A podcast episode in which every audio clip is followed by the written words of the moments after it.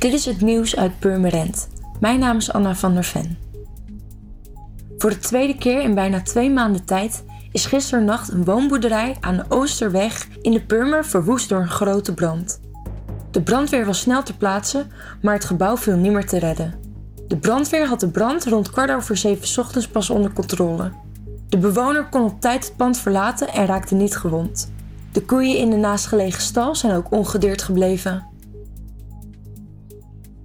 En aankomende maandag begint het weer. Voor alle kinderen is er tussen maandag 29 april en vrijdag 3 mei de Purvak weer geopend. In deze tweede week van de meivakantie vinden er verschillende sportieve, creatieve en culturele activiteiten plaats. Het actuele programma met de sportieve activiteiten staan op de website van Spurt.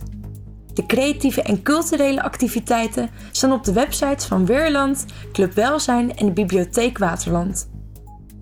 De Purvak meivakantie in het Leegwaterbad is elke dag van half 1 tot 3 uur s middags geopend.